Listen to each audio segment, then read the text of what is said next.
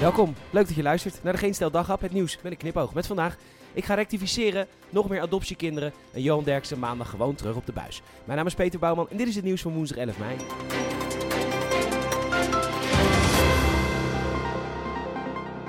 Ik moet rectificeren. Ik heb eergisteren gezegd dat ik er geen donder van geloofde dat er te weinig beveiligers te krijgen waren voor een volwaardig kampioensfeest in Amsterdam. Stad van liefde, hoop, zachtheid, liefde. Ja, twee keer liefde.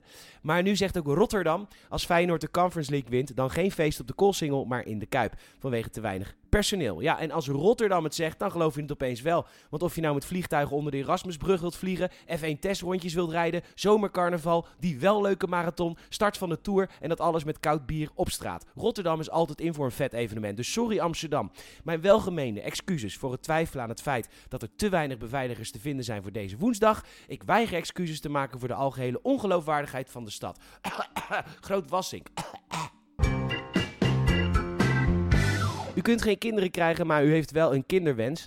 Adoptie kan binnenkort weer en dat gaat geregeld worden door de staat. Want als de staat iets regelt, dan weet je zeker dat het helemaal goed komt.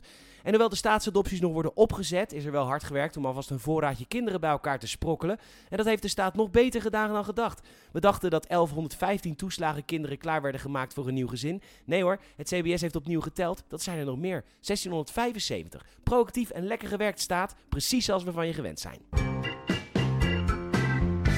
Vanaf maandag weer gewoon vandaag Inside met Johan Derksen, René van der Gijp en uiteraard zegt dan Wilfred geen nee. Ja, voor, via de link in de beschrijving kunt u doneren aan Geen Stijl. Want ik heb het idee dat deze grap zijn waarde wel bewezen heeft. Anyway, Talpa vindt het wat te voorbarig uh, dat ze dat beweren. Maar Johan heeft daarna gewoon gezegd maandag aan te schuiven. De vraag is of er nu een thema-uitzending komt met vrouwen die slachtoffer zijn van kroegpraat. En mensen die gekwetst zijn door een grapje. Voor de bedenkers van de volgende lockdown. Meer dan een vijfde van de jongeren in Nederland heeft gedacht aan zelfmoord tijdens de laatste lockdown. Dat meldt de NOS. Het aantal zelfmoorden onder jongeren was in 2021 toegenomen met 15%.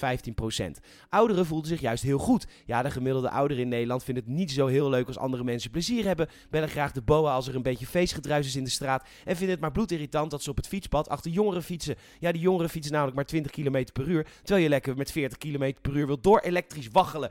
Lekker zelf voldaan, net zoveel calorieën verbranden als iemand die dood is. Wat zal het einde van de lockdown een kuttijd zijn voor die mensen. Binnenkort is het voor incassobureaus niet meer mogelijk om zonder vergunning te opereren. Wacht, kan Jan en Alleman zomaar een incassobureau starten? Ik had toch wel verwacht dat het kapotmaken van mensenlevens, dreigementen sturen en in beslag nemen van dingen exclusief was voor bedrijven met een vergunning en de Belastingdienst. Bedankt voor het luisteren. Je zou ons enorm helpen als je een vriend of vriendin of familie het vertelt over deze podcast. Mond-tot-mond reclame help je ons echt het meeste mee. Je kan een Apple Podcast review achterlaten. Je kan ook sterren geven in Spotify en we hebben best wel een hoge rating. Dus uh, doe dat vooral. We komen hoger in al die lijstjes. Dankjewel daarvoor. Bedankt voor het luisteren en tot morgen.